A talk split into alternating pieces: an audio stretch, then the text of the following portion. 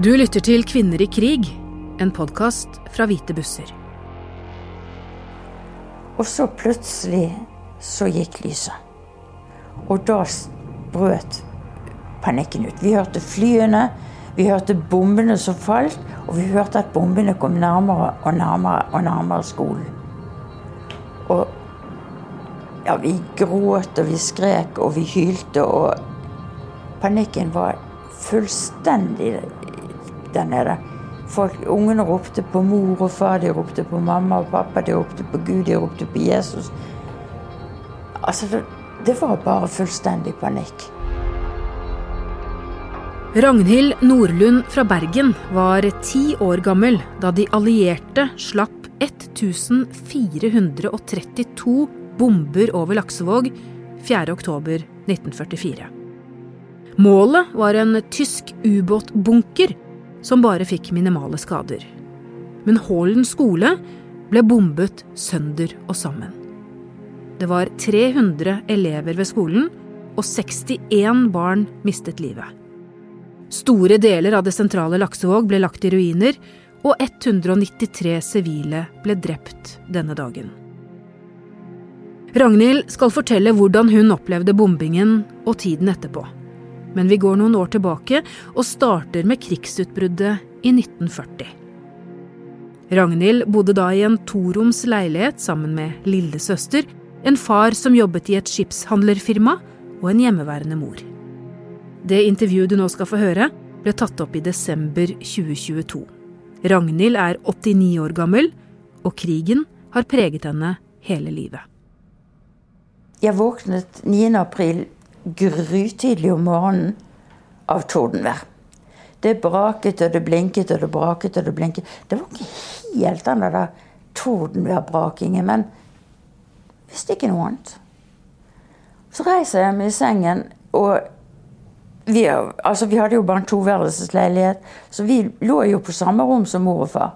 Og så reiser jeg meg og ser opp i sengen og skal rope på mor og far, og så var ikke de. De var stått opp. Og så ser jeg ut vinduet, og da så vi jo Byfjorden. Alle disse tyske, tyske krigsskipene. Men jeg visste ikke at det var tyske krigsskip. Jeg trodde det var, Far var jo i skipshandel, sant? så jeg trodde det var norske lastebåter. Og så så jeg det blinket fra dekket på dem, og så braket det veldig. Og så kom mor og far og tok oss inn i stuen og fortalte at nå var det krig. Og så skulle vi, av alle ting, inn i tilfluktsrommet på Hålen skole. For den skolen var betongbygg, og der var vi helt sikre. Det huset vi bodde i, det var jo trebygning. Så der var det farlig å bo. Men på Hålen skole, der var vi sikre. I dag står trebygningen, Hålen skole vekke. Og så kom vi ned i kjelleren på Hålen. Noen benker og noen kroker på veggen med noen klær på masse folk og unger som lå og kravlet på gulvet. og Hyling og skriking og ja. Og så utpå dagen så fikk far fatt i en, en, eh, en kjenning som hadde lastebil. Og så gikk vi hjem, og så tok de med seg ja, sengetøy og sånn senger og, og forskjellig. Hva, hva, som sto igjen i leiligheten, ikke vet ikke. Men lasteplanet var i hvert fall full. Og så ble, satte mor seg inn i, i førerhuset med oss to barn. Og så uh, satt far på lasteplanet, og så kjørte vi evig langt. Helt sikkert jorden rundt. Og kjørte og kjørte og kjørte, og havnet rett på Skjold. Da syns jo jeg hadde kjørt veldig langt. Den lille familien flyktet fra byen og søkte tilflukt i en gård på landet. Men etter noen måneder kom de tilbake til Bergen. Livet måtte gå videre. Eh, hver morgen så var det en tropp med tyske soldater som marsjerte forbi huset vårt og skulle antagelig opp til melkeplassen til eh, russerbrakene og hente russerne som skulle på jobb. Og jeg våknet hver morgen av det der, og jeg lærte meg veldig fort til å høre De hadde jo sånne jernbeslåtte sko, så det sa jo pang, pang, pang, pang. Og jeg lærte meg veldig fort å høre forskjell på lyden når, i, når de nærmet seg, når de var rett utenfor huset vårt, og når lyden forsvant. Og de var forbi. Og jeg lå Å! Å, gå forbi, gå forbi, gå forbi. Ikke stopp, ikke kom inn og skyt oss. Altså, jeg var livredd. Hver eneste morgen. Og ellers så var det jo flyalarm. Det var jo Mor og far kunne jo komme inn og vekke oss midt på natten og bære oss ned i kjelleren. Og kunne sitte Nettopp satt middagsmaten på bordet, så gikk flyalarmen, og så var det bare å la maten stå og løpe i kjelleren. Og som regel så var det jo ned i kjelleren og opp igjen. ikke sant? Det, var jo ikke, det skjedde jo ingenting.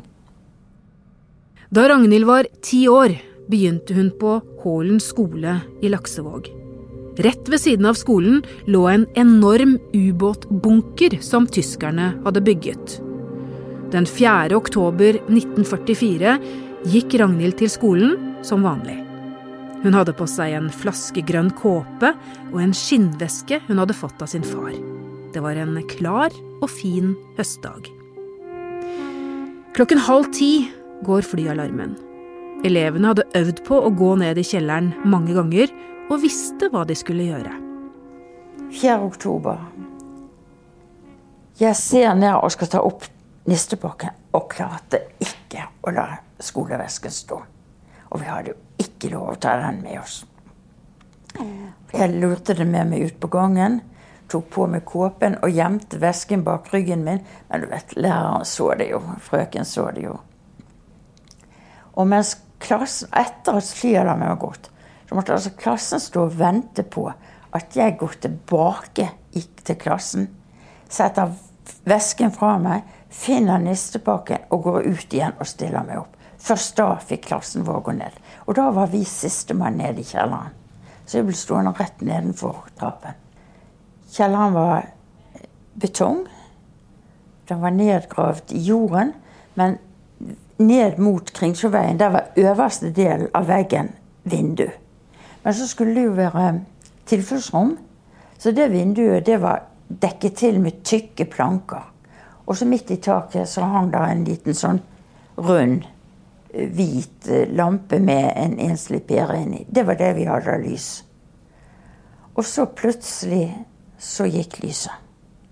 Og da brøt panikken ut. Vi hørte flyene. Vi hørte bombene som falt, og vi hørte at bombene kom nærmere og nærmere og nærmere skolen. Og ja, vi gråt og vi skrek og vi hylte, og panikken var fullstendig der nede.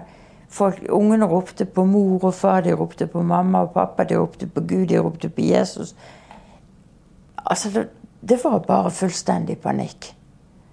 Og så plutselig så får vi dette enorme lufttrykket. Samtidig som vi hørte store bjelker som brakk, og noe som raste sammen. Og ja, jeg trodde det var et stort skap som ramlet over ende, eller noe sånt. Du vet, ikke leste jeg avis. Den var jo også naziredigert. Ikke hadde vi radio, for den ble jo levert inn i 41. Fjernsynet var ikke oppfunnet. Vi gikk på kino, men vi fikk jo ikke se Filmavisen. Vi så Bambi og Lassie og Snøhvit og de syv dvergene. Alle disse koselige Walt Disney-filmene. Så at, det, at, en bygning kunne bombes og ramles helt sammen, det hadde ikke jeg peiling på. Og jeg syns synd i dagens barn, for de har sett fjernsyn. De har sett krigen i Ukraina. Vi hadde ikke det. Så jeg trodde som sagt at det var et skap eller kanskje en vegg som var ramlet sammen. Altså at hele skolen kunne være bombet. Det skjønte jeg ikke. Og det lufttrykket, det var så kraftig at det omtrent tok pusten fra oss. Og etterpå så Vi hadde ikke, vi hadde ikke spytt i munnen lenger. Nesen var helt tørr. Lungene våre var fullt Det var jo sementstøv. Lungene våre var fulle av sementstøv, så det var tungt å puste. Og så virret vi rundt der, og så plutselig så står jeg og holder rundt en gutt. Og han la armene ned og holdt rundt meg. Og den, den trøsten, den, den, Ja, det var Det var, det var helt, helt herlig. Så plutselig så dunk, blir jeg dunket borti et fat med, med dessertgelé. Og jeg kunne ikke skjønne at noen skulle ha dessertgelé med seg på skolen. Men det kjentes ut som, som jeg hadde fått eh, dessertgelé. Og så Ja, så virret vi nå rundt der. Så gikk jo da etter hvert Ja, når bombene falt, så kom det enorme, store stener som slo mot plankene foran vinduet. Og så etter hvert så um, ble jo faren over signalet. Og så gikk en lærer opp trappen og lukket opp døren slik at vi fikk lys ovenifra. Og så ble jeg bedt om å gå opp trappen. Og så gikk vi opp til den utgangen der på baksiden. Og så skulle jeg løpe over til andre siden og ned på, til Kringsjåveien. Og så slipper han meg ut. Og så fire, fem, seks meter fra meg står denne spisebakken i full fyr. Så jeg hadde det flammehavet rett innpå meg, og det var jo brennende varmt. Så jeg rygget jo tilbake. Hadde han sagt til meg hva jeg skulle komme til å se når jeg kom ut, så kanskje jeg hadde klart å løpe. Men det var jo et sjokk å komme ut og stå og si ansikt til ansikt med disse voldsomme flammene. Og så I mellomtiden så hadde lærerne i, nede i kjelleren klart å knuse vinduene og få sparket ut disse plankene foran vinduet. Så da ble, ble, vi bedt om å gå ned igjen der, og så ble jeg lempet som potetsekk ut det vinduet. Og ut på bedet utenfor, og ned til den muren ned til fortauet. Og hoppet ned på fortauet. Og der var det jo krater på krater etter bombenedslagene. Eh, og det stinket gass. Den gangen så hadde vi jo gasskomfyr på kjøkkenet og gass på badet til badevannet. Så vi visste hvordan gass luktet. Og så var det vannledningene som var sprengt, så det lå jo vann oppi alle disse kraterne. Alle stolper var over ende. Lysledninger og telefonledninger lå som snubletroer bortover. Og så hoppet, hoppet vi og hinket den altså, forbi alt dette inn mot Vågedalen. Og oppe i Vågedalen hadde tyskerne brakker, og der, de hadde de åpnet for oss. Så vi ble vist opp Der sto en tysker der, og jeg hadde lyst til å rømme. Men så hadde jeg fått klar beskjed hjemme.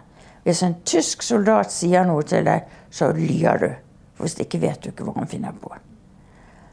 Så når han sa at jeg måtte gå opp der, så hadde ikke jeg noe valg. Det var bare å gå opp. Og der hadde nederste brakken, tyskerbrakken, det var et stort forsamlingslokale med et kjøkken. Og de elevene som tydelig hadde fått skader, de ble inn på kjøkkenet og fikk renset sårene og bandasjert. Og vi andre, vi sto inne i Og jeg har et lite, kort glimt av at jeg så en av de andre som var veldig skitten. Men at jeg selv var skitten, det ante jeg ikke. Og så sto vi der åtte-ti stykker fra klassen, og jeg aner ikke hvem jeg sto sammen med. Altså det, Jeg var helt, helt vekke. Og så kommer det først én lærer bort. Om jeg hadde vondt noen steder? Nei, jeg hadde ikke vondt noen steder. Ja, om jeg kunne se henne? Ja, jeg kunne se henne. Og ja, om jeg kunne legge hånden på ene øyet og se? Ja da, jeg kunne se kunne legge hånden på det andre og se? ja da, jeg kunne se. Så løp hun. Og så kom det en til læreren, samme spørsmålene. Og så kom tredje lærer. Og så sier og det, det var det eneste vi sa. Jeg sier til de andre Hvorfor er det bare meg som har synsundersøkelse? For vanligvis når vi sto, så gikk vi jo inn én og én foran og skulle lese disse bokstavene oppå det skiltet. Og nå var det bare meg. Ingen av de svarte. Og der sto jeg. Det som Ragnhild trodde var dessertgelé, viste seg å være en stor blodklump som satte seg fast over øyet hennes da hun hadde dunket borti en skadet medelev. Tre bomber traff skolen, som ble delt i to. Etter at lærerne hadde sjekket at Ragnhild ikke var alvorlig skadet, ble hun sendt hjem alene. Og så etter en stund så fant jo lærerne ut hvor bombene hadde truffet. Og de som bodde da i strøk hvor det ikke hadde vært bombing, vi ble sendt hjem. Så jeg ble sendt hjem og gikk ned i Kringsjåveien. Og begynte å hoppe og, og, og balansere videre innover. Og så løfter jeg blikket, og så ser jeg alle husene som sto i brann. Og da hadde jo jeg nettopp vært ute for den uh, spisebraken i brann. Så når jeg så alle disse husene som brant, så plutselig klarte jeg ikke mer. Jeg bare ramlet i gaten. Og der ble jeg liggende. Så kom det to voksne, og så løftet de med én under hver arm.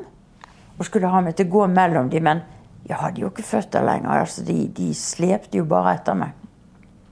Så bar de meg fra Vågedalen forbi eh, skipsverftet, forbi kinoen, forbi Damsgård hovedgård, helt til krysset med Fyllingsveien. Og der satte de meg ned. Nå må du være flink og gå hjem. Og da klarte jeg å stå. Nå må du være flink og gå hjem, for vi må skynde oss. Vi skal inn til Konstadtorget, det som i dag heter Danmarksplass. For der hadde de et lager, og de skulle hente noe, sannsynligvis sanitetsutstyr til Hålen skole.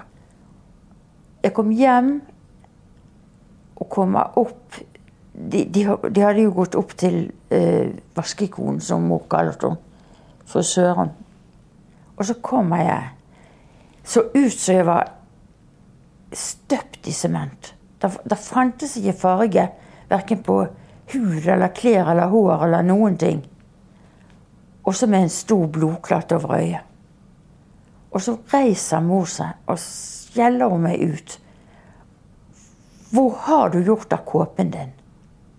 Og jeg begynte å lure på om mor var litt gal. For jeg hadde jo kåpen på meg. Og hvordan kunne hun da spørre hvor jeg hadde gjort av kåpen?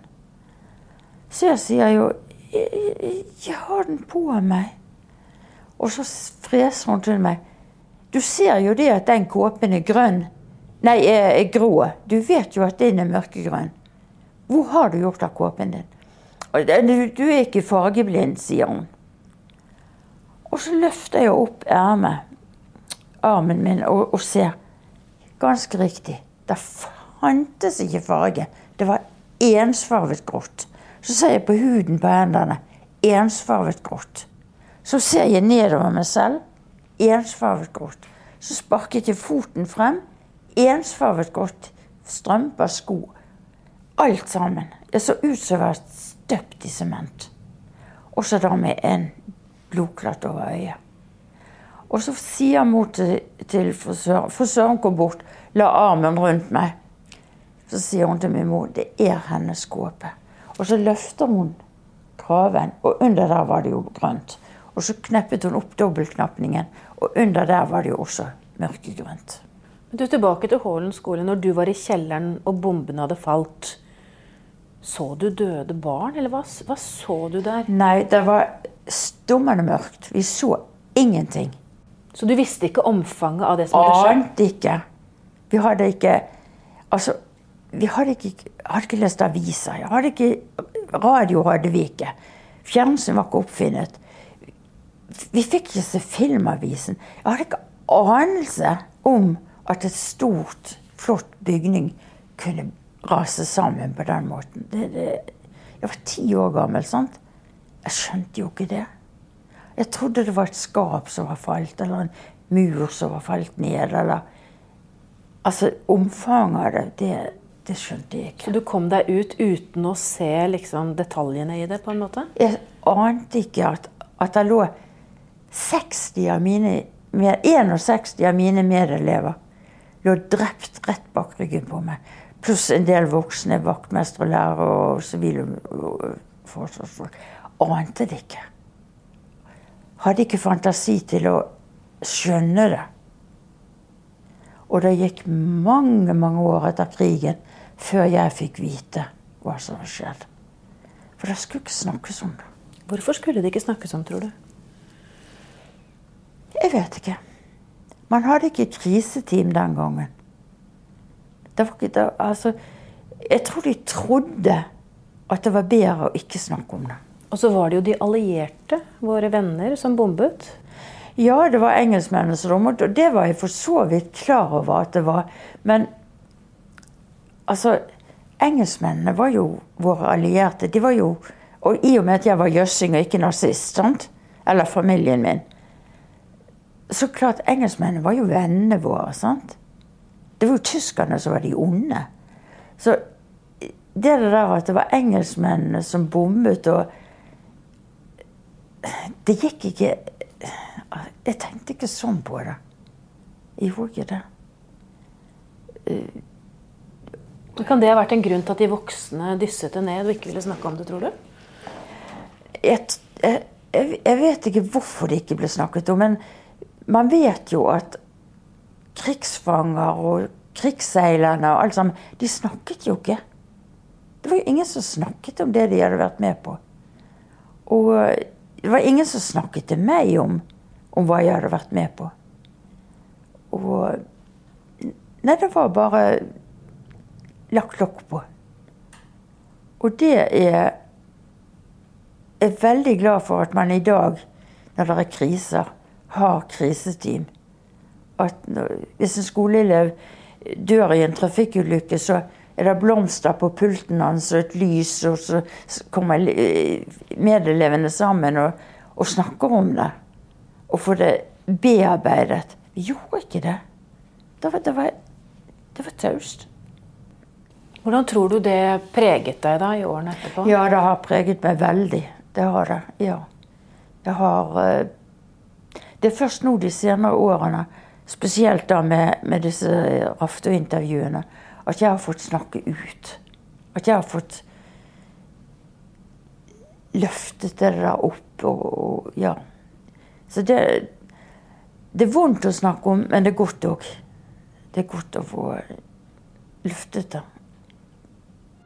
Du har hørt Ragnhild Margret Nordlund i Kvinner i krig. En podkast fra Hvite busser, støttet av Fritt Ord og Bergesen-stiftelsen, og produsert av Frafjord Media.